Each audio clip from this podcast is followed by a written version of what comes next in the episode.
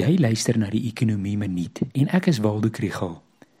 Oor die laaste 2 weke is daar baie gesê oor die impak wat die probleme by Eskom op die ekonomie het. Daar is bekommernisse oor die verhoging van die koste om besigheid te doen, dat duur bystandkrag inflasie kan verhoog en dat investering en ekonomiese groei gedemp word. Die graderingsagentskap Fitch het intussen gewaarsku dat Suid-Afrika se BB- gradering met 'n stabiele vooruitsig nie in ag geneem het dat die regering dalk moet instaan vir Eskom se skuld nie. Die swak posisie van die openbare onderneming is 'n risiko vir die staatsfinansies en die kredietgradering. Die gradering maak saak want dit beïnvloed die rentekoers waarteen die staat skuld maak.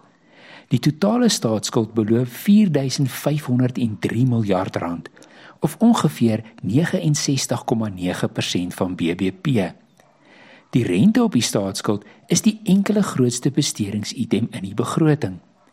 Die hele punt van die streng fiskale beleid van die laaste paar jaar is om die begrotingstekort kleiner te maak en die groei van die staatsskuld te rem.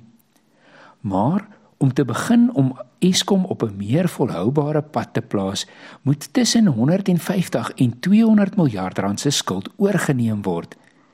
As 'n deel van die totale staatsskuld is dit nie soveel nie. Maar as mens dink dat die begrotingstekort hierdie jaar 386 miljard was, dan is 150 miljard ekstra baie geld kan die regering 'n geloofwaardige argument maak dat 'n groot deel van Eskom se skuld oorgeneem moet word, maar al verswak die kredietgradering, sal 'n sterker Eskom genoeg krag voorsien om die ekonomie te laat groei en dan is die groter staatsskuld nie 'n probleem nie. Ek is nie seker dat hulle kan nie.